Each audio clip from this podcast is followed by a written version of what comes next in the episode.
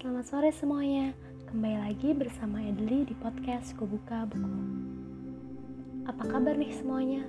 Aku harap kalian semua dalam keadaan baik ya. Uh, gimana nih perasaan kalian tahun ini menjalani puasa Ramadan tanpa ada acara bukber, gak bisa ngabuburit, bahkan kita lebaran pun tetap di rumah aja. Kita gak bisa mudik, terus kumpul sama keluarga besar di kampung halaman. Pastinya kita ngerasa ada yang berbeda sih ya tentunya juga kita merasa sedih. Tapi apa daya kita harus menjalani ini semua tetap berdiam diri di rumah untuk memutus rantai penyebaran corona ini. Ya setidaknya dengan berdiam diri di rumah kita bisa mengurangi beban para tenaga medis yang berjuang di garda terdepan. Mereka rela berpisah dengan keluarga dengan orang-orang tercinta demi merawat pasien COVID-19 ini bahkan mereka mempertaruhkan nyawa mereka sendiri. Jadi, tolong banget buat kalian untuk tetap diam diri di rumah sampai keadaan ini benar-benar stabil ya.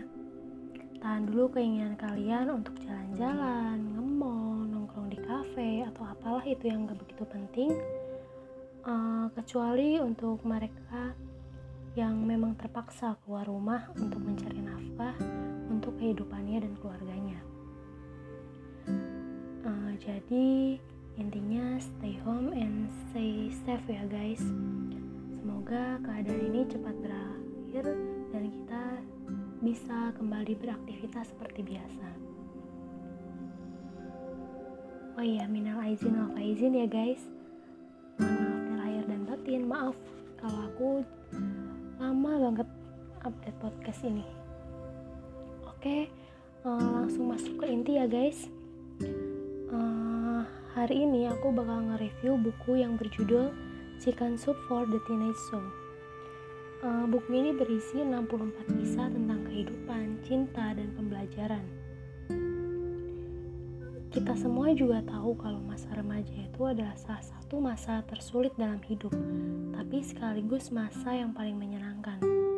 Di masa ini, kamu menghadapi begitu banyak perubahan yang kadang-kadang memusingkan dan memberatkan hati.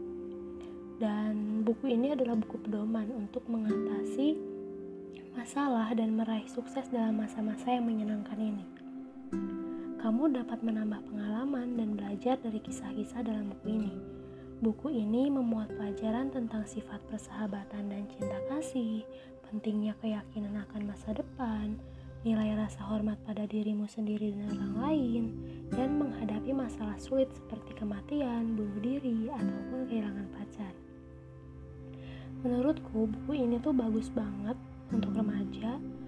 Eh, kisah-kisah di dalamnya akan membuat kalian tertawa, menangis, dan membangkitkan semangat kita untuk merasa lebih baik tentang hidup, cinta, dan juga pembelajaran di dalam buku ini banyak banget kisah yang menurutku bagus dan mungkin kalau sempat aku bakal nyeritain dua atau tiga cerita dari buku ini tapi pada episode ini aku bakal nyeritain kisah yang berjudul Hari Tanpa Rambut uh, jadi di cerita ini tokoh utamanya itu bernama Alison atau biasa dipanggil Ali dia seorang murid kelas 3 SMU yang cantik, populer, dan juga pintar. Dia juga memiliki posisi sebagai penjaga gawang tim inti dan juga seorang penjaga pantai. Dengan tubuhnya yang tinggi langsing, matanya yang biru jernih, dan rambutnya yang tebal dan pirang, dia kelihatan seperti seorang model. Dan pada musim panas itu, ada yang berubah. Setelah menjaga pantai, Alison ini segera pulang dan sesampainya di rumah, ia segera mem membilas air laut dari rambutnya dan menyisir rambutnya yang kusut. Ia membalikan rambutnya ke depan.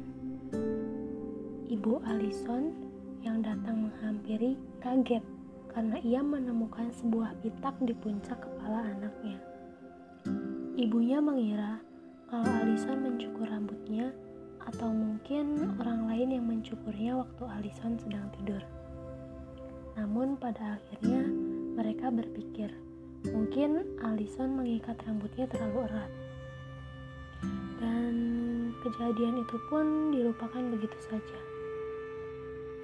Tiga bulan kemudian, pitak lain ditemukan, lalu pitak lain lagi. Hingga akhirnya kulit kepala Alison dipenuhi pitak-pitak aneh seukuran uang logam. Awalnya, seorang spesialis mendiagnosis itu hanya karena Alison stres saja dan diberi obat salep. Hingga akhirnya spesialis itu mulai menyuntikkan kortison atau semacam obat pada setiap pitak setiap dua minggu sekali. Dan untuk menyembunyikan kulit kepala yang berdarah akibat suntikan, Alison diizinkan memakai topi ke sekolah yang biasanya dianggap melanggar aturan.